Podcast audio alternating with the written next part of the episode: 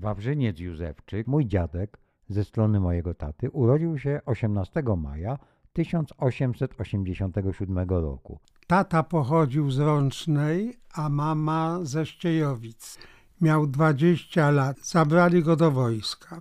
Zdaje się, że 5 lat służył w wojsku. Biedny walczył gdzieś na wschodzie Polski i później y, był na Syberii, szedł z tej Syberii dwa lata do Polski.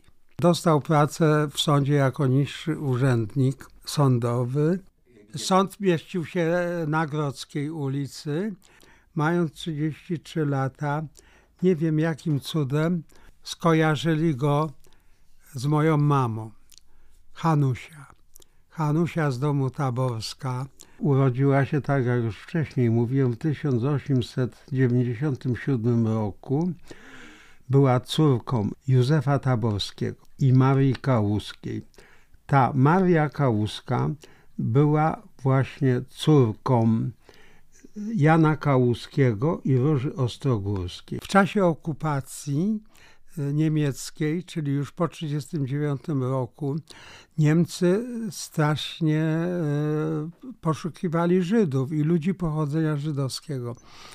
I wydano polecenie, że wszyscy muszą podać swój życiorys do trzeciego pokolenia wstecz. Czyli jak ktoś miał już w tym pokoleniu jakiegoś przodka Żydem, to już był uznany jako Żyd i mógł być skazany i wywieziony do obozu zagłady.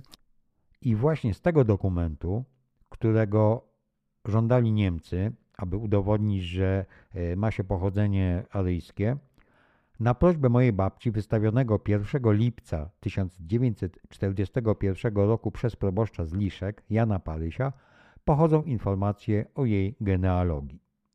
No więc mama była córką Józefa Taborskiego i Marii Kałuskiej, tak jak już mówiłem, która z kolei była córką Jana Kałuskiego i Róży Ostrogórskiej. Jan Kałuski, on urodził się w Tarnowie i po skończeniu szkoły gimnazjalnej, jak to z dokumentów się dowiedziałem, został zabrany, jak to się wtedy mówiło, w Kamasze, przymusowo, tuż po skończeniu szkoły. I 10 lat był w wojsku austriackim.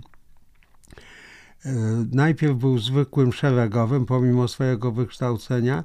Później pod jakąś gdzieś tam bitwą został mianowany porucznikiem, a w rezultacie nadporucznikiem. I jak wybuchło powstanie styczniowe w 1863 roku, on z zaboru austriackiego wyruszył na to powstanie styczniowe.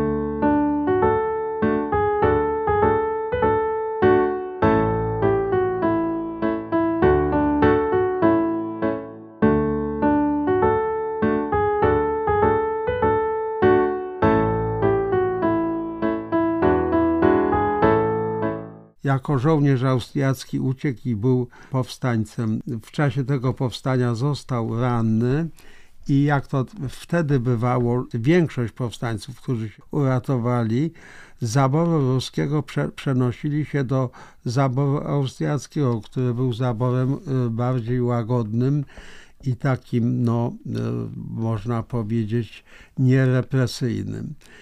On zamieszkał u swojego przyjaciela w Liszkach, tam wykurowali go i tam poznał ze Ściejowic panią Różę Ostrogórską.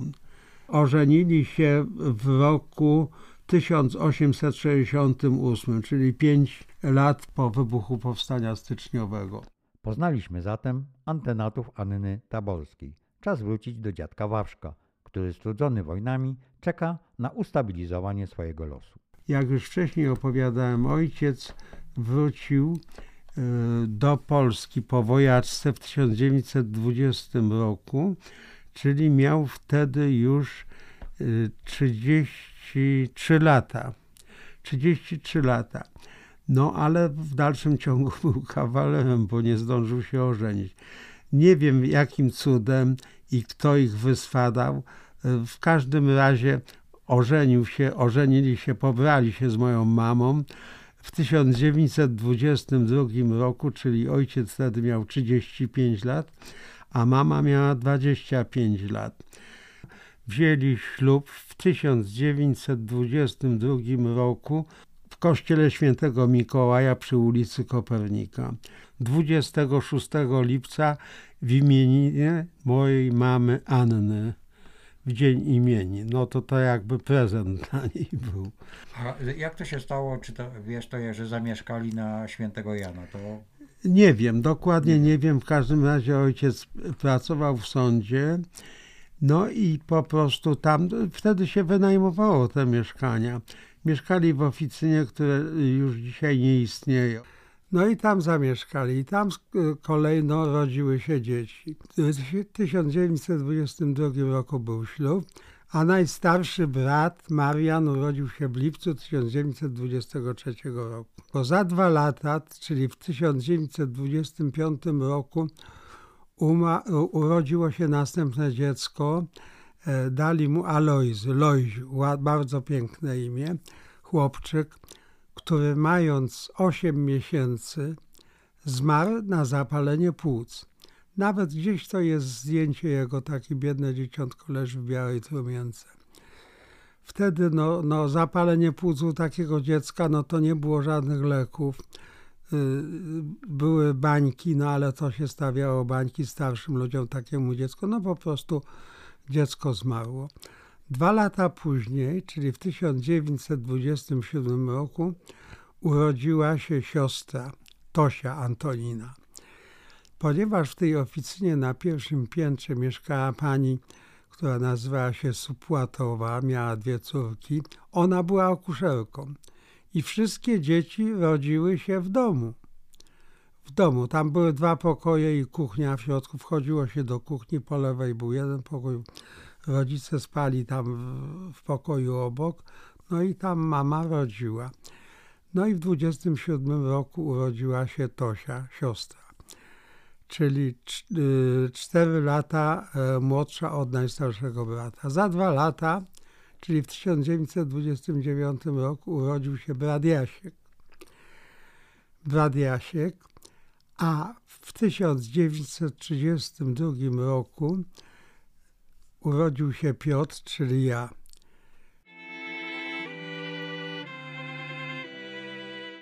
Redakcja ilustrowanego kuriera codziennego, wysoko nakładowego czasopisma, części koncernu prasowego stworzonego przez Mariana Dąbrowskiego mieściła się w Krakowie, w Pałacu Prasy przy ulicy Wielopole, w bezpośrednim sąsiedztwie Poczty Głównej.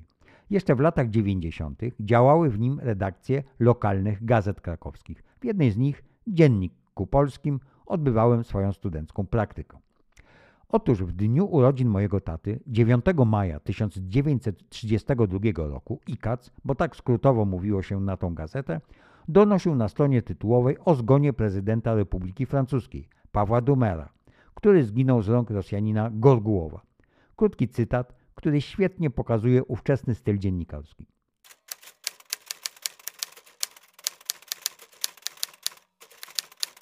Paweł Dumer, prezydent Republiki Francuskiej, nie żyje.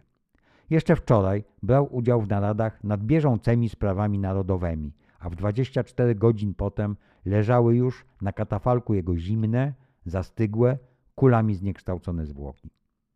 Na trzeciej stronie, obok zdjęcia Pałacu Elizejskiego, znajdujemy ofertę skórzanej papierośnicy dla palaczy tutek, glis, jako premię za 50 wieczek. Domyślam się, że ktoś, kto kupił 50 pudełeczek z tymi tutkami, otrzymywał jako premię właśnie taką, taką skórzaną papierośnicę.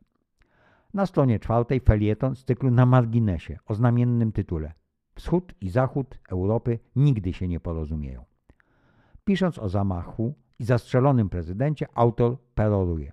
W ten symbol ugodziły kule Rosjanina. Po raz pierwszy po wojnie, a i przed wojną od czasu dłuższego, na gruncie stolicy Francji stanęły tak wyraźnie przed sobą i przeciwko sobie dwa światy Zachód i Wschód. Nie sposób w tym momencie pomyśleć o antyunijnej kampanii polskiej prawicy. A z lokalnego podwórka. Choroby zakaźne w Krakowie. Miejski Urząd Zdrowia zanotował od 1 do 7 bieżącego miesiąca 6 wypadków zachorowań na odrę, 5 na szkarlatynę, 3 na koklusz, 2 na dysterię i po jednym na tyfus brzuszny, czerwonkę i różę. Konia z rzędem temu, kto wskaże chociaż jeden przypadek zachorowań na którąś z tych przypadłości. A wszystko przez te potwornie niebezpieczne szczepionki. I gdyby ktoś był na kupnie mebli, jeszcze duży nagłówek reklamowy następującej treści. Wielka wystawa nowoczesnych mebli już otwarta. Prosimy o odwiedzenie naszych salonów. Bez obowiązku kupna. Ceny nadal niskie. Dom meblowy Krakowia, Kraków, Szpitalna 40. Naprzeciw Teatru Miejskiego.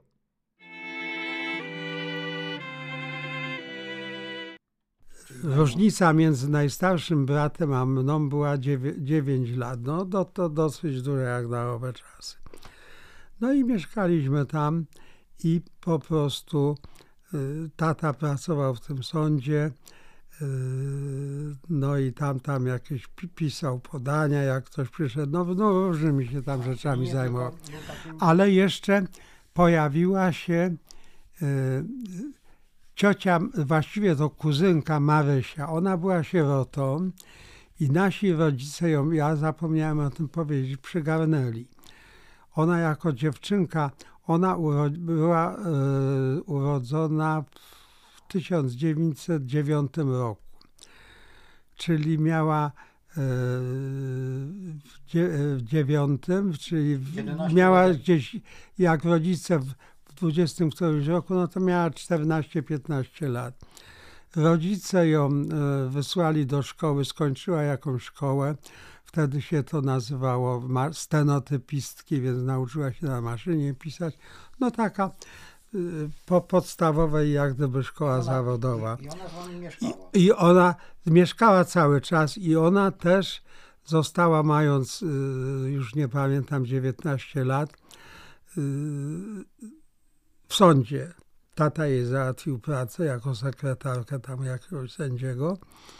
No i później wyprowadziła się i zamieszkała ze swoją koleżanką, ale ona była moją w 1932 roku matką chrzestną.